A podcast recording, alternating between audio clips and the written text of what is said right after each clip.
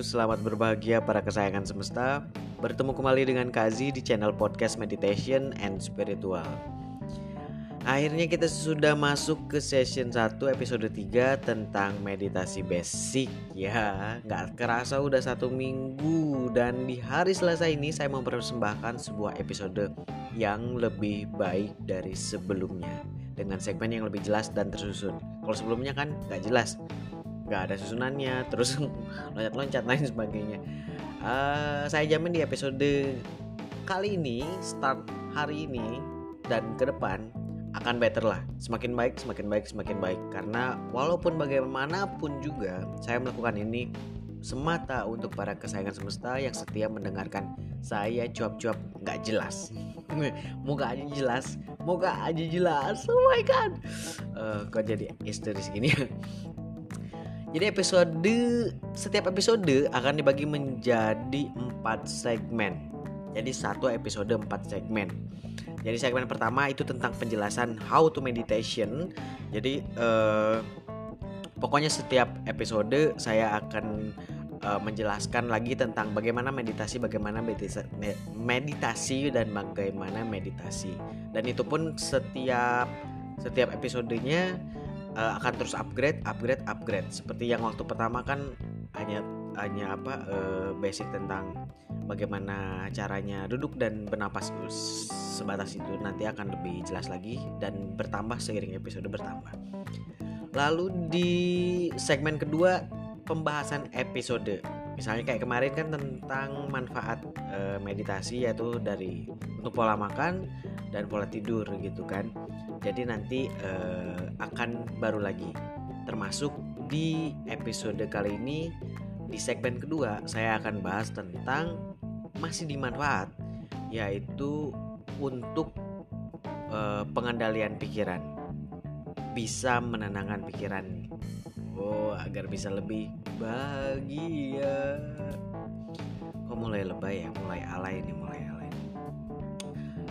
dan di segmen ketiga uh, akan diisi dengan menjawab pertanyaan yang dikirim melalui email, voice message atau direct message di media sosial Facebook dan Instagram. Jadi emailnya apa, voice message-nya ke mana, direct message media sosial Facebook atau Instagramnya ke mana, nanti akan saya jelaskan di segmen ketiga. Karena uh, jadi segmen ketiga ini pertanyaan-pertanyaan yang diajukan setelah uh, episode. Jadi misalnya hari ini episodenya selesai, lalu misalnya teman-teman mau mau menanyakan atau uh, ingin lebih dijelaskan lagi gitu, atau muncul tiba-tiba muncul pertanyaan tentang episode hari ini, besok atau lusa atau kapan pun. Uh, teman-teman para kesayangan semesta bisa langsung mengirimkan pertanyaan yang kemudian akan saya jawab di episode berikutnya ya kurang lebih begitulah lalu di lalu di sesi keempat penutup ya so simple.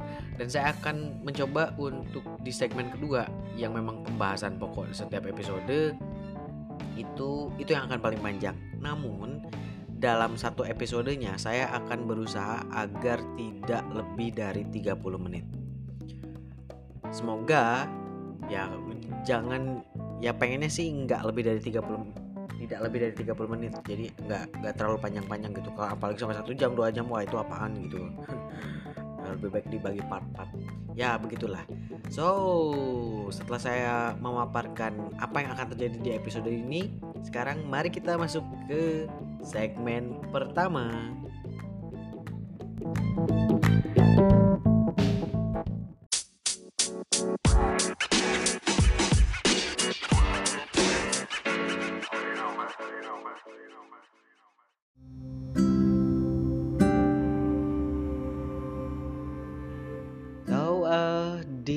meditasi basic ini yang kemarin kan saya sudah menjelaskan atau mention tentang how to-nya, dasar-dasarnya. Jadi kenapa saya menjelaskan di channel ini meditasinya kok dikit-dikit banget sih gitu kan. Karena eh, seperjalanan saya yang sudah bertahun-tahun ini mengenal meditasi akan ada sedikit apa ya uh, apa sih istilahnya? Nggak on the track gitu loh. Nggak on the track kalau misalnya loncat-loncat. Dan kalaupun misalnya loncat-loncat jatuhnya adalah kita itu enggak ya yang namanya bangunan kalau misalnya loncat-loncat atapnya dulu atau jendelanya dulu tapi pondasinya tidak sama sekali diperhatikan ya you know what will happen gitu loh. Begitu juga dengan meditasi jadi untuk dasar meditasi tetap kita pada rasa nyaman dan napas jadi fokus ke napas ingat napas di sini itu tidak memakai penahanan atau uh, pola pernapasan tertentu. Karena kita tujuannya adalah menghening, bukan latihan tenaga dalam, bukan latihan tenaga metafisik. Kalau misalnya mau latihan kedua itu, itu beda lagi. Mungkin memang dengan cara meditasi, tapak biar sakti gitu loh. Jadi apa eh, meditasi atau orang Indonesia sering dengar lebih apa ya lebih lebih kenal dengan namanya tapa bertapa itu sama aja sih cuman memang ada pengertian katanya lagi itu nantilah eh, panjang ceritanya yang namanya meditasi eh, itu dua seperti yang saya jelaskan kalau misalnya dengan pola pernapasan dengan tarik tahan buang misalnya atau dengan e, napas dada, napas perut, napas diafragma dan lain sebagainya itu untuk pengolahan energi terlepas dari energi metafisik atau energi e, dalam tenaga dalam dan lain sebagainya. Kalau meditasi hening itu tanpa penahanan napas. Jadi murni napas napas biasa, napas e, napas senyamannya napas gitu. Oh napas dada apa napas perut? Ya ya anda napas seperti apa gitu. Ya seperti itu senyamannya. Tapi uh, benefit napas ini sebenarnya itu akan berkoneksi dengan yang namanya tenaga dalam sama tenaga metafisik terolah sendiri. Tapi uh, heningnya dapat dapat sekali heningnya dapat sekali. Karena secara ambisi secara secara apa secara tujuan itu udah beda gitu. Itu. Dan juga mengapa di uh, episode atau di channel ini saya menjelaskan di meditasi basic ini saya selalu menjelaskan tentang benefitnya terlebih dahulu dan lebih kepada uh, apa jasad di luar dulu gitu kan. Ya itulah saya layer per layer per layer di luar dulu terus uh, kepikiran dan lain sebagainya. Kok nggak pernah bahas jiwa sedangkan ya you know lah di luaran sana yang pengen meditasi itu ingin agar saya sadar gitu agar saya mencapai kesadaran tertinggi dalam semesta dan lain sebagainya. Oh come on guys jangan terlalu lebay langsung sana. Please edan. Sok gaya ya saya ngomongnya. Mengapa saya bilang jangan dulu ke sana? Karena jika manusia, katakanlah manusia, manusia diibaratkan sebuah uh, kuntum kuntum mawar merah, enggak bukan, bukan itu ya. Bunga lotus, jika diibaratkan manusia sebagai bunga lotus yang belum mekar, kita manusia itu memaksa ingin langsung mengenal jiwa saya meditasi ingin mengenal jiwa. Oh iya, jadi kalau ingin tahu tujuan kita sebagai manusia, agar tahu tugas kita sebagai manusia, agar tahu tugas jiwa kita di alam semesta, kita harus mengenal jiwa dulu. Iya, memang kalau misalnya memang Anda ingin mengenal jiwa, apakah artinya tubuh Anda harus disingkirkan atau dianaktirikan? Kan enggak. Kembali lagi, jika diibaratkan bunga lotus yang belum mekar, Anda memaksa bunga lotus ini untuk mekar sebelum waktunya. Jika dikatakan layer atau uh, kelopak-kelopak dari bunga lotus itu adalah cara mengenal Anda jiwa, artinya kan dari luar. Yang namanya dari luar, apa yang kita lihat? Apa yang kita lihat dengan kasat mata? tubuh. Kalau misalnya tubuh di skip, tidak mengenal tubuh dulu, artinya si bunga lotus itu Anda paksa untuk dibuka dengan pisau ataupun misalnya dibuka e, kelopaknya dengan paksa karena ingin mendapatkan inti di dalamnya. Bunga itu walaupun misalnya inti di dalamnya sudah dapat, bunganya layu, kering dan akan mati. Jika kita mengenal dulu jasad dari luar aja dulu. Jasad terus eh, ke kesehatan juga, kesehatan pikiran juga, kesehatan hati pada akhirnya. Lalu nanti dari sana kemudian mulai hening dan akhirnya sang jiwa menyapa.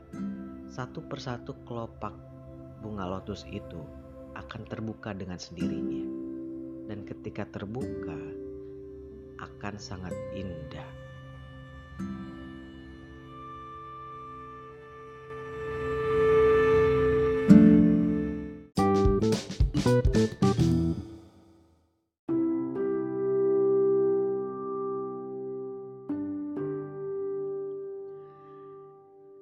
Para kesayangan semesta, sekarang kita sudah sampai di segmen kedua. Jadi segmen kedua ini seperti yang kita uh, seperti yang saya utarakan bahwa akan membahas tentang poin dari episode kali ini yaitu tentang meditasi basic uh, manfaat untuk pikiran. Jadi sebelum kita masuk ke pokok bahasan, saya mau menjelaskan tentang apa itu pikiran menurut Wikipedia. Nah, saya bacain dulu ya di sini bahwa menurut Wikipedia, pikiran adalah gagasan dan proses mental. Berpikir memungkinkan seseorang untuk merepresentasikan dunia sebagai model dan memberikan perlakuan terhadapnya secara efektif sesuai dengan tujuan, rencana, dan keinginan. Kata yang merujuk pada konsep dan proses yang sama di antaranya kognisi, pemahaman, kesadaran, gagasan, dan imajinasi. Berpikir melibatkan manipulasi otak terhadap informasi, seperti saat kita membentuk konsep, terlibat dalam pemecahan masalah, melakukan penalaran, dan membuat keputusan. Berpikir adalah fungsi kognitif tingkat tinggi Nah, dari uh, pengertian Wikipedia saja kita sudah melihat, kita sudah mendengarkan, kita sudah mulai memahami bahwa yang namanya berpikir, pikiran, pikir atau mengolah pikir, olah pikir ya. Itu berkoneksi dengan mental dan membuat keputusan dan tingkat kognitifnya itu adalah tingkat tinggi. Oke lah itu nggak akan kita bahas. Uh, kembali lagi ke mengapa meditasi atau mengapa saat meditasi kita disarankan untuk mengheningkan pikiran atau mengolah pikiran. Jadi seperti sebelumnya di episode sebelumnya saya pernah membahas bahwa meditasi ini bukan mengosongkan pikiran. Karena itu totally wrong benar-benar salah dan tidak tepat. Jadi bukan mengosongkan pikiran tapi mengheningkan atau mengolah pikiran. Nah, kenapa harus mengolah pikiran? Nanti saya bahas. Jadi kenapa uh, uh, merujuk dari aduh maaf. Merujuk dari tadi uh, Wikipedia pun membahas tentang uh, bahwa pikiran itu mempengaruhi mental yang berkoneksi pada reaksi sebagai buah dari pilihan yang merupakan buah dari pikiran itu sendiri. Jadi, pikiran Aduh, ini kenapa sih? Aduh, maaf, maaf. Jadi yang namanya pikiran itu uh, ibaratnya adalah sebuah bunga. Muncul bunga, bunga pikiran dan dari bunga pikiran itu nanti menjadi sebuah buah, mau menjadi buah apa si pikiran itu. Dan ketika menjadi buah, kita ambil tuh. Nah, ketika kita ambil, itu menjadi sebuah pilihan. Kita ambil mau dimakan langsung, mau dipotong, atau mau jadi jus, atau mau apa, itu menjadi pilihan. Balik lagi ke pilihan hidup. Jadi meditasi itu nggak sekedar cuman uh, bagian dari yoga atau bagian dari uh, latihan kesehatan. Memang kesehatan, tapi nggak hanya jasad, tapi jasad mental, jasad pikiran, jasad uh, fisik, uh, kesehatan uh, apa banyak kesehatan kesehatan lainnya termasuk kesehatan jiwa juga nanti kita masuk ke sana. Masih pabelitnya masih belepotan. Oke mohon mohon maaf. Aduh. Kaji kaji. Nah kenapa sih meditasi?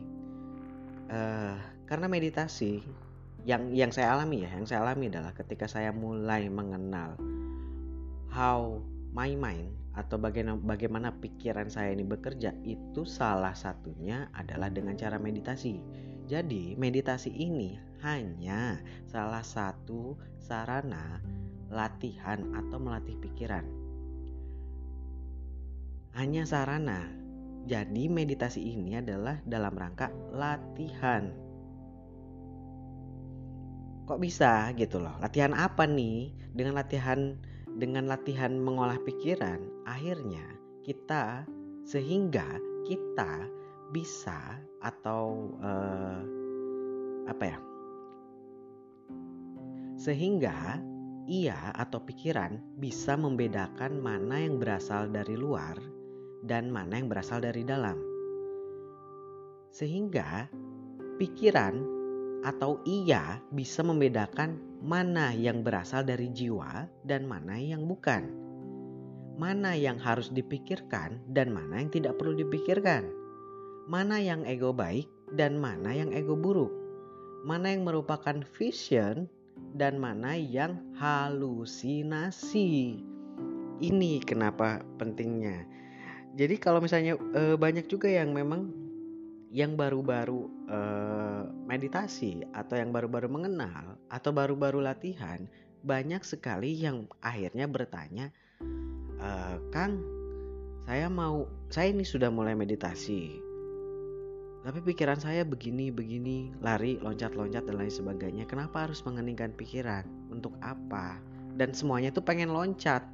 Loncatnya adalah gimana caranya ya biar saya jadi peka jadi ke sana gitu loh peka apa ini maksudnya? Kan pertanyaannya jadi ke sana. Tapi saya paham. Uh, gimana ya bilangnya? Saya paham. Akhirnya banyak orang yang memilih cara meditasi dengan harapan dia mendapatkan kesadaran. Kesadarannya akhir yang namanya kesadaran tuh akhirnya di apa? dikerucutkan atau disempitkan lagi menjadi uh, apa tuh agar mata batin saya terbuka gitu loh. Mata batin terbuka mata ketiganya terbuka. Akhirnya saya bisa peka gitu. Dan itu uh, kalau saya bilang akan mencapai ke sana jika memang itu adalah sebuah pencapaian. Tapi untuk mencapai sebuah pencapaian tersebut otomatis kan harus berproses. Nah, proses ini yang mengapa saya di channel ini itu layer per layer seperti yang segmen sebelumnya saya jelaskan sedikit demi sedikit. Kenapa saya kekeh atau kenapa saya uh, keras kepala agar tidak dulu membahas tentang mata ketiga gitu kan meditasi akhirnya bisa jadi kepekaan terhadap tanda kutip eh, hal-hal uh, yang kas tak kasat mata gitu loh. Tujuannya untuk apa sih? Kalau misalnya memang istilahnya oke okay lah untuk jadi peka yang ke arah uh, apa indra keenam gitu kan yang entah kenapa apa sih yang dicari di indra keenam? Saya pun nggak paham gitu untuk untuk mereka yang ingin skip uh, proses. Um, kalau saya berani bilang saya berani sih bilang. Saya berani bilang mengatakan seperti ini. Oke kau meditasi untuk mencari kepekaan. Ingin membuka mata batin lah atau ingin terbukanya mata ketiga lah. Ingin mengaktifkan pineal gland atau pituitari lah. Apa pun lah istilahnya ingin menjadi peka. Yang jadi pertanyaannya adalah, jika kau tidak peka terhadap mana pikiranmu sendiri dan mana yang merupakan hanya ambisi, ego pribadi, Mengapa harus jauh-jauh pengen peka yang ke sana? Peka yang seperti ini saja, lu nggak peka. Aduh, jadi maksud lu aja nggak peka. Eh, gitu, gitulah. Karena ini adalah dasar. Jadi, kalau ingin membuat sebuah bangunan yang sangat kuat, otomatis dasarnya harus kuat. Mari kita berproses bareng-bareng. Nggak perlu takut untuk oh nanti ada yang ketinggalan. Kalau yang di kalau ngeskip ngeskip itu yang bakalan banyak ketinggalan. Jadi kita sedikit demi sedikit. Yang pertama tentang pola tidur. Pola tidur nggak usah dijelasin lebih kan pola makan, nutrisi yang ternyata tubuh bisa berbicara padamu, dan sekarang adalah tentang pikiran. Pikiran juga akhirnya bisa membuat dan memilih keputusan. Ketika mulai bisa memilih, ketika sudah bisa membedakan, pikiran kita sudah mulai tenang kita bisa memilih keputusan mana yang harus direaksikan dan mana yang tidak perlu, karena ia atau pikiran sudah bisa memilah dan mengolah segala konsekuensi baik dan konsekuensi buruk dari sebuah pilihan akibat reaksi atau pilihan tersebut. Banyak dari kita nggak berpikir, nggak mikir langsung membuat sebuah keputusan kan begitu. Meditasi adalah salah satu cara untuk melatihnya agar kita bisa berpikir. Yang namanya berpikir nggak harus semenit dua menit. Jika sudah terlatih, namanya juga latihan kan. Jika sudah terlatih, maka sepersekian detik Anda bisa membuat sebuah keputusan yang cemerlang dan bisa terlihat konsekuensi baik dan buruknya. Dan kembali lagi kepada mental.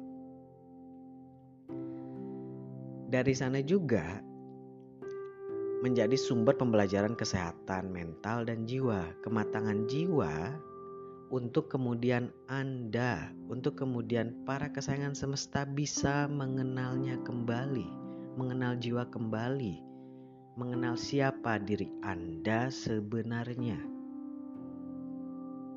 Karena sejatinya jiwa itu selalu ada, nggak ke mana-mana, nggak perlu dicari hanya kita aja yang tak bisa melihatnya. Pengen peka pengen lihat apa? Pengen lihat jin gitu gitu kan. Buka buka mata batin. Uh, saya nggak tahu purpose motifnya seperti apa. Tapi kebanyakan seperti itu meditasi. Ah, ini bisa peka bisa lihat ini bisa lihat itu. What for? Jika jiwa yang ada di dalammu saja tidak terlihat. Mengapa harus menjadi peka terhadap hal yang di luar diri? Di luar eh, ya di dalam diri aja dulu Ibarat sebuah kolam dengan air yang beriak dengan berbagai macam gelombang. Yang namanya pikiran itu adalah gelombang, menghasilkan gelombang. Jika mau silakan Google dan cari tentang gelombang pikiran. Secara sains, secara fisika, secara ilmiah itu ada dan bisa dibuktikan. Dan ada penelitiannya ada dan bisa dihitung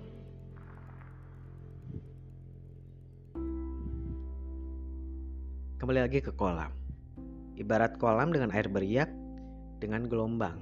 Gelombangnya macam-macam, ada yang ngeriakan kecil, ada yang cuman mengalun-alun indah, ada yang wah sampai bikin air kolam tersebut keruh.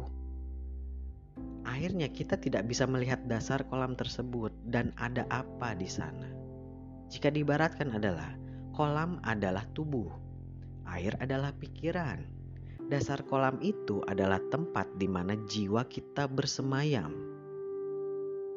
Sesungguhnya jiwa selalu ada di tempatnya, gak ke mana-mana, gak usah dicari keluar.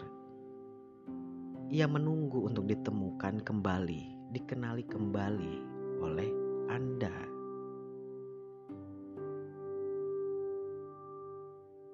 Jadi ibaratnya, bukan ibarat sih.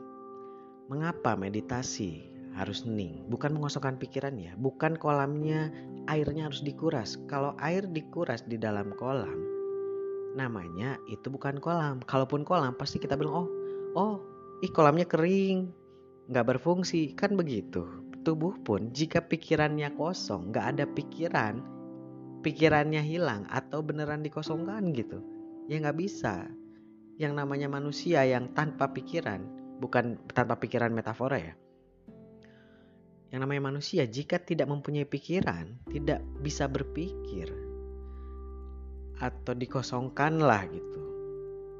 Yaitu mati.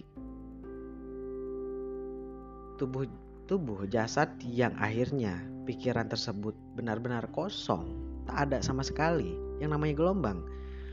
Kita sudah tahu ketika misalnya ke rumah sakit ada gelombang detak jantung. Kurang lebih gelombang pikiran juga sama. Hanya memakai alat apa lagi tuh namanya untuk untuk mendeteksi gelombang pikiran naik turun. Yang namanya frekuensi, yang namanya gelombang, yang namanya vibrasi, uh, wave-nya sama naik turun. Kayak kayak itu aja kayak detakan jantung gitu kan. Tet tet tet gitu naik turun naik turun naik turun. Otak juga sama dan ketika naik turunnya sudah mulai garis net artinya kosong itu mati. Termasuk gelombang otak itu pun kalau seperti itu ya kita artinya mati. Makanya menghening. Jika diibaratkan lagi ketika kita meditasi sehari-hari 24 jam selama puluhan tahun kita hidup. Kita jarang memilih untuk mengheningkan pikiran. Gelombang otak naik turun dengan rapatnya, dengan tinggi dan rendahnya.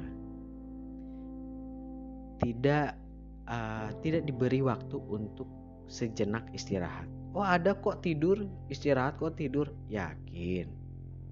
Oke tidur memang masuk ke gelombang uh, theta, gelombang beta, dan tertidur.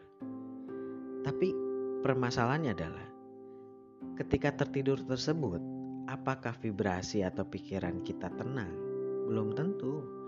Kadang suka ada aja yang tidur tapi mimpi buruk, bangun-bangun apa badan serasa capek, serasa nggak tidur, atau bahkan tidur apa nggak nggak nyenyak seperti episode sebelumnya, saya sudah menjelaskan ada testimoni yang memang ketika meditasi tidurnya sudah nyenyak dan bangun-bangun segar. Walaupun tidur hanya 1-2 jam, ia terbangun dengan sangat segar dan pikirannya pun fresh. Kembali lagi ke jalur, takut melebar lagi. Ibarat kolam yang airnya terus beriak dan bahkan membuat keruh dengan meditasi, kita melatih agar air agar bisa menenangkan air tersebut. Ketika air tenang, walaupun keruh, walaupun kotoran di dasar kolamnya ikut terangkat, ketika air ten tenang, itu akan menjadi jernih kembali. Dengan jernih itulah kita bisa melihat siapa diri kita, termasuk jiwa. Sebelum ke sana, otomatis kita bisa berpikir lebih jernih untuk membuat keputusan, untuk membuat sebuah pilihan. Karena yang namanya hidup itu selalu ada pilihan. Dan memikirkan bagaimana konsekuensi baik dan buruknya dari buah pilihan tersebut.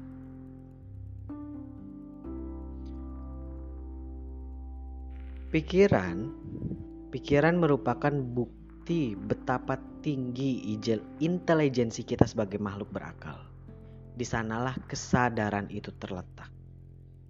Nah, apa itu kesadaran? Saya bahas sedikit. Yang namanya kesadaran itu tidak seperti yang di luaran. Mungkin teman-teman para kesayangan semesta pernah mendengar tentang uh, kesadaran manusia dengan berbagai definisinya dan lain sebagainya. Semua benar, ya. Yang mereka paparkan, yang orang-orang paparkan di uh, apa di media sosial kah di platform lain website dan lain sebagainya. Semua benar. Hanya saya di sini mau menjelaskan secara sederhana. Karena untuk saya pribadi nih tidak sepakat pun tak mengapa. Saya tidak memaksa hanya yang namanya kesadaran itu sebenarnya simple nggak usah dibikin ribet yang namanya kesadaran kita sadar bernapas itu sadar. Kita sadar pikiran kita sedang kacau, itu sadar. Kita sadar bahwa dengan marah itu bukan saya misalnya. Itu sadar. Kita sadar bahwa orang lain yang mencaci kita itu adalah makhluknya juga yang sedang berproses sama seperti kita. Itu sadar. kita sadar bahwa seluruh ras manusia, seluruh makhluk adalah ciptaan dan kita setara. Itu sadar. Dan sadar-sadar-sadar yang lain. Itulah kesadaran. Gak perlu ribet yang namanya kesadaran artinya adalah pituitari kita aktif, pineal gland kita aktif, mata batin kita terbuka, mata ketiga kita terbuka. Apalagi? Uh, kundalini kita semuanya terbuka cakra kita bla bla bla no. Apa gunanya jika mengetahui semua hal itu tapi kita justru merendahkan makhluk lain? Apakah kita sadar bahwa kita pun sama berproses dengan mereka artinya kita nggak sadar itulah kesadaran kembali lagi ke pikiran Semuanya hal itu yang saya jelaskan di segmen tadi berasal dari pikiran, main server of our body.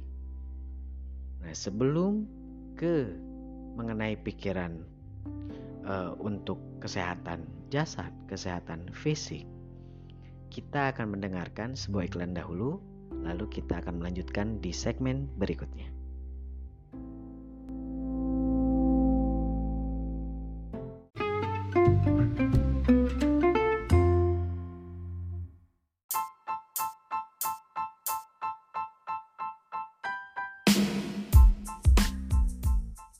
Bagi para kesayangan semesta yang ingin mendalami tentang meditasi bersama kristal, kami, saya dan tim, mendedikasikan dua buah program yang bisa membantu para kesayangan semesta untuk mendapatkannya. Jadi untuk program pertama, namun ini masih basic, yaitu Crystal Self Potential Manifestation bersama saya. Jadi CSPM Basic adalah program pendampingan bagi yang ingin mengoptimalkan potensi dan pengenalan diri yang terbantukan oleh kristal yang merupakan warisan nanoteknologi leluhur dengan tujuan keselarasan semesta besar, alam, dan kecil, tubuh yang dibantu meditasi hening bersama kristal, di mana selama ini pikiran dan tubuh tidak terkoneksi secara sadar. Pun pada semesta langgeng atau sang diri sejati atau jiwa. Nah, namun bagi misalnya para kesayangan semesta yang ingin memanifestasikan uh, dirinya uh, dibantukan oleh dengan kristal untuk kesehatan atau bagi para kesayangan semesta yang kebetulan uh, sering melakukan terapi atau para terapis dan ingin memakai alat bantu kristal, kami pun mempunyai program yaitu Crystal Healing Self and Therapist atau CHST bersama saya. Jadi program ini adalah pendampingan bagi pasien atau terapis yang ingin mengoptimalkan kristal yang merupakan warisan nanoteknologi leluhur sebagai alat bantu penyembuh, penyembuhan kesehatan fisik dan non fisik. Dengan tujuan sehat dan selaras dengan semesta besar, alam dan kecil, tubuh yang dibantu meditasi hening bersama kristal. Serta saya pun akan membantu pendampingan untuk keselarasan frekuensi dan vibrasi tubuh secara optimal agar menghasilkan ketenangan luar dan dalam yang kemudian bisa berpengaruh pada pengaplikasian hidup di keseharian. Info lebih lanjut dari dua program yang kami tawarkan ini bisa langsung menghubungi PR di 087737996757 atau ke email kaziotor@gmail.com. Jadi kami akan memberikan PDF-nya yang Anda bisa baca dan pilih sesuai dengan kebutuhan Anda.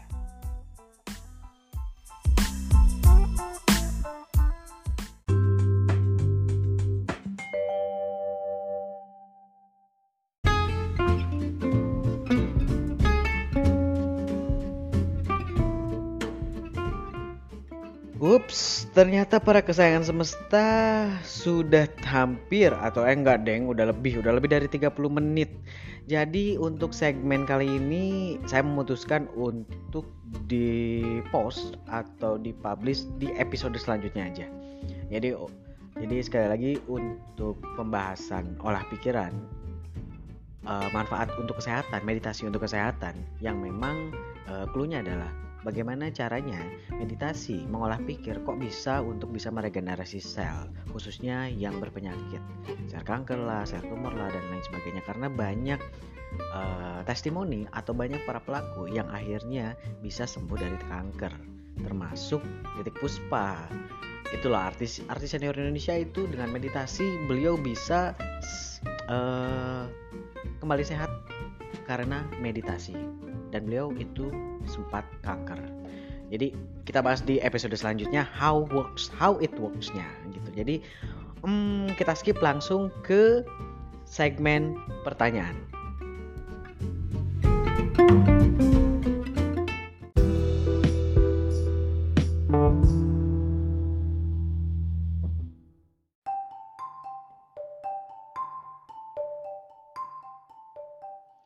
Pertanyaan di episode ini berasal dari Kang Dede Kusmana yang dikirim via Messenger Facebook. Kang, ada request nih bagaimana kalau nanti di sesi bonus membahas tentang semesta, intinya menyamakan persepsi tentang kata semesta. Karena setiap individu kadang berbeda persepsi ketika mendengar kata semesta, tergantung pemahaman dan pengetahuan yang didapat sehingga dapat memudahkan saya atau yang lainnya satu persepsi dalam memaknai atau memahami kata semesta. Jadi pertanyaannya adalah bukan dari apa itu semesta ya, tapi lebih kepada pengertian dari kata semesta itu sendiri.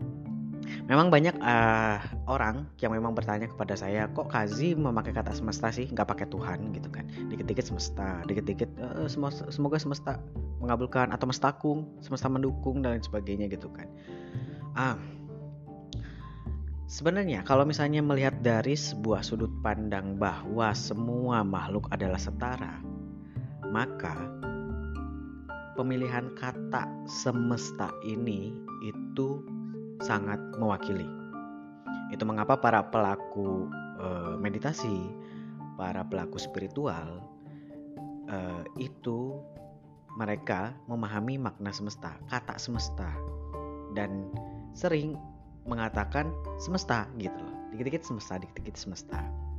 Kenapa? Karena hampir di semua kepercayaan, di semua agama mana pun ada sebuah kalimat yang kurang lebih isinya adalah bahwa Tuhan itu lebih dekat di urat nadi itu kalau Islam. Kalau yang lain kurang lebih ya ada di dalam diri.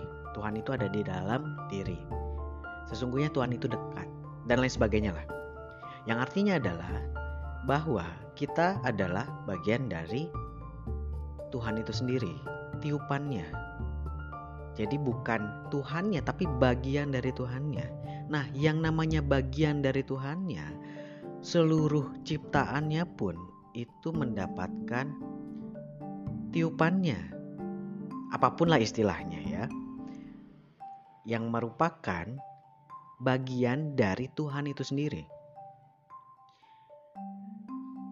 Itu mengapa ada lagi yang memang kalimat bahwa aku melihat Tuhan di dalam dirimu. Nah, kalau misalnya yang uh, punten, yang fanatik dalam beragama, pasti itu langsung what? Gitu loh. Maksudnya apa? Gitu. Padahal jika secara makna implisit secara esensi artinya adalah saya melihat engkau adalah bagian dari Tuhan. Yang artinya adalah engkau adalah ciptaan dari Tuhan. Yang artinya lagi adalah saya pun adalah bagian dari Tuhan. Yang artinya lagi adalah aku, engkau, dia, mereka, seluruh makhluk, hewan, tumbuhan, batu, langit, udara, semuanya yang ada di alam semesta ini adalah bagian dari Tuhan. Yang artinya adalah kita semua adalah bagian dari semesta itu sendiri. Itulah mengapa ketika saya bilang, "Halo, Selamat hari yang cerah para kesayangan semesta. Artinya sesama makhluk di alam semesta ini kita saling menyayangi dan engkau adalah salah satu dari kesayangannya. Mungkin jawaban ini bisa mewakili. Jikalaupun tidak mengenai semesta yang lebih detail, mungkin kita akan mendapatkan atau harus bikin episode spesial sendiri di episode curcol sepertinya edisi curcol spesial ya itu aja terima kasih Kang Dede Uh, so langsung ke penutup. Jadi untuk episode depan hari Kamis kita akan membahas tentang uh, pikiran untuk kesehatan jasad seperti yang saya bilang di segmen sebelumnya. Ya itu aja.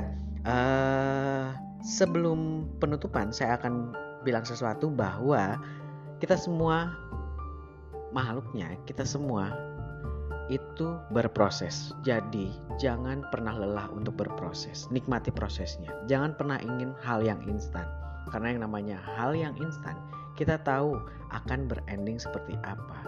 Bukan seperti apa artinya buruk ya, tapi akan selalu berbeda dengan mereka yang berproses. Ya, itu saja.